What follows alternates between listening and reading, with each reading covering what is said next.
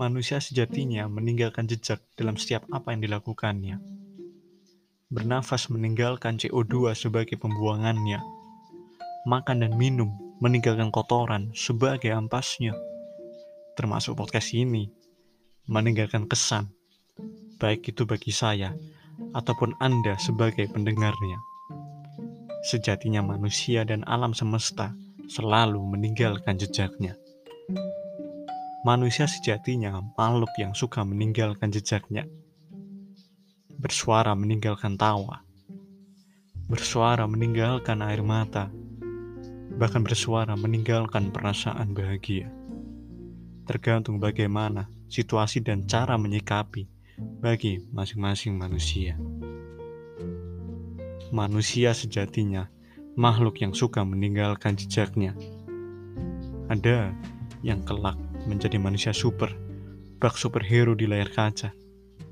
Atau ada juga yang kelak menjadi manusia yang hanya menjadi figuran semata.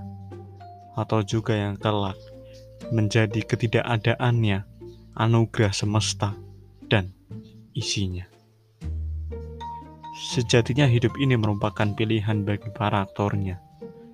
Mau berperan menjadi baik atau berperan menjadi pilihan seperti di film-film yang ada di layar kaca. Tetapi manusia yang baik pula masih tergantung persepsi para manusia lainnya. Ada yang baik dengan menindas manusia lainnya, yang penting diri sendiri bahagia.